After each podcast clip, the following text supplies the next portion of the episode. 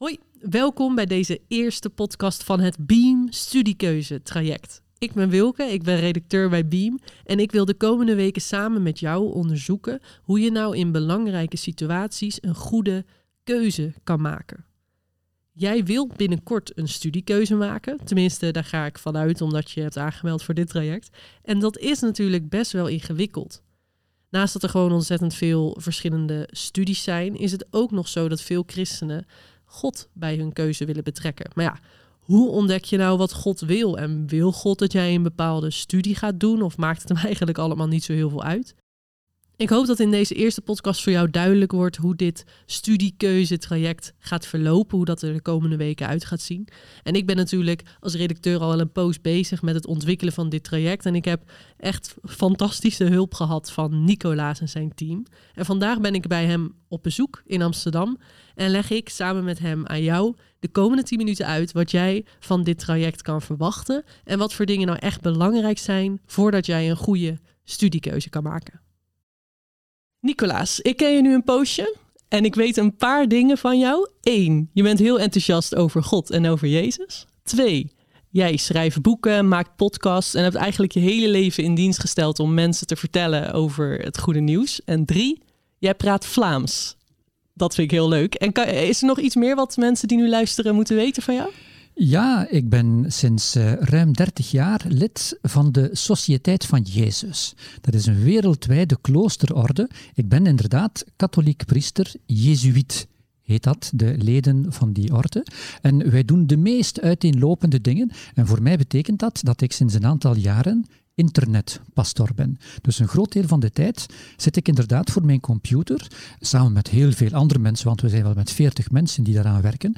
En op alle mogelijke manieren proberen wij de goede boodschap van Jezus bij andere mensen te brengen met de middelen van deze tijd. Podcast, video, tekst enzovoort. Allerlei dingen die Beam ook doet trouwens. Ja, internetpasser. Dat klinkt echt uh, klinkt goed. Klinkt vet. Hey, en ik ben heel blij dat je mee wilt denken. Um, want jij bent al best wel wat jaren aan het nadenken over keuzes maken. En hoe kan je dat nou op een goede, beargumenteerde manier doen? Uh, en ja, de, jij, de luisteraar van de podcast, jij moet een belangrijke keuze gaan maken. Een studiekeuze. En ik ben wel benieuwd, Nicolaas, wat denk jij dat belangrijk is als je als christen zo'n toch wel belangrijke keuze moet maken? Ik zou spontaan twee zaken zeggen. Aan de ene kant is het belangrijk dat in de periode waarin je die keuze wil maken, jouw verbondenheid met Jezus, jouw verbondenheid met de levende God voldoende sterk is. Opdat je hart, het diepste van jezelf, voldoende open mag staan om te kunnen luisteren naar wat God zelf jou vraagt. Want dat is het fantastische waarin wij christenen geloven. Uiteindelijk hoeven wij de keuze niet zelf uit te vinden, maar we mogen ons wel toevertrouwen aan datgene waartoe God ons uitnodigt. Dat is een eerste puntje. En dan een tweede puntje is, en dat is niet zo makkelijk, dat je leert om te luisteren naar je hart. Het is te zeggen, naar het meest intieme, het diepste van de persoon die jij bent. Want christenen geloven dat God mens wordt, doorlopend, ook in jou, ook in elk van ons. En dat zijn geest spreekt in het diepste van ons zijn. En uit eigen ervaring weet ik hoe moeilijk het is om je te durven, op een verstandige wijze zou ik zeggen, toevertrouwen aan datgene wat je hart je zegt. Om al gewoon te luisteren naar je hart en datgene wat er gebeurt in het diepste van jezelf, om dat gewoon ernstig te nemen en niet zomaar onder de mat te vegen, wat we eigenlijk vaak doen als het gaat over belangrijke keuzes. Lees de evangelies. In de evangelies staat het vol met roepingsverhalen. Jezus die mensen persoonlijk bij naam uitnodigt om iets bijzonders te doen. En niet iedereen hetzelfde. Nee, jij hiervoor, jij daarvoor. Wel, weet je, als ik student was, als ik een jonge professional was, ik was advocaat. En op een bepaald ogenblik, door te bidden eigenlijk, en door meer te bidden met de Bijbel in het bijzonder, ben ik er geleidelijk aan achtergekomen dat ik geroepen werd. Het is te zeggen dat ik in mijn hart, heel diep in mijn hart, hele sterke vreugde voelde. En steeds meer, tot mijn grote verbazing, bij de idee dat ik mijn leven helemaal in dienst zou stellen van de evangelisatie. Terwijl ik met iets heel anders bezig was. Ja, advocatuur is wel heel anders dan het leven wat je nu leidt, toch? Ik zat met hele dikke dossiers uh, bezig uh, in Brussel voor het Hof van Cassatie, heel ingewikkeld. En ik deed het graag. Ik deed het graag. Maar ik merkte vanuit gebed, werkelijk vanuit gebed, dat er een bepaalde vreugde in mij was bij de idee om iets heel anders te doen. En ook het geloof dat daarmee samenhangt dat God tot elkeen, dus ook tot mij, spreekt.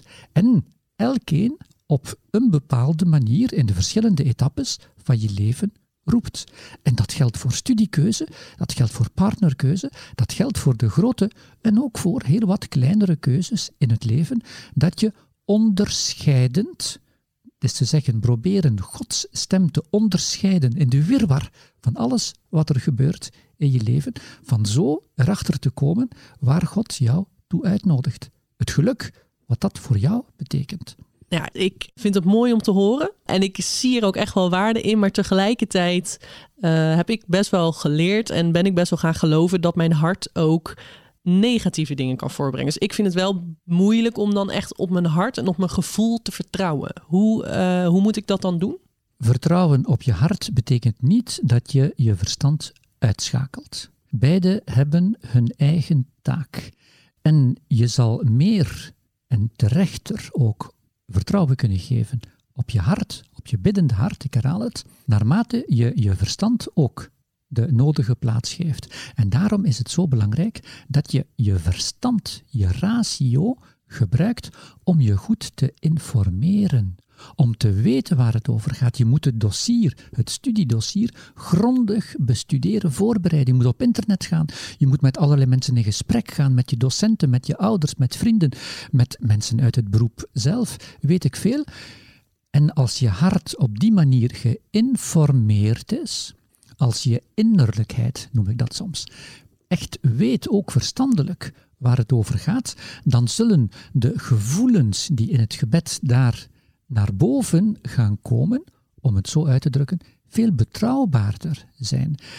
Vertrouwen op je hart betekent niet dat God een tovenaar wordt die zomaar gaat zeggen: jij dit, jij dat. Nee, het kan natuurlijk zijn dat jij nu zit te luisteren en dat het allemaal wel mooi en logisch klinkt, maar dat het ook een beetje overweldigend is. Dus dat je denkt, joh, wat wordt hier allemaal gezegd? Hoe moet ik dit allemaal gaan doen?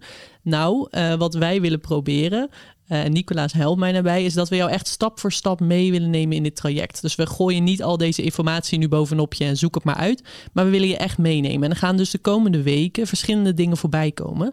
Uh, je gaat bijvoorbeeld terugkijken op je leven en kijken welke factoren jouw keuzes beïnvloeden. Ik ga ook weer met de hulp van Nicolaas wat verschillende manieren vertellen van hoe kan je nou een lastige keuze maken. En die eerste manier die leggen we volgende week uit.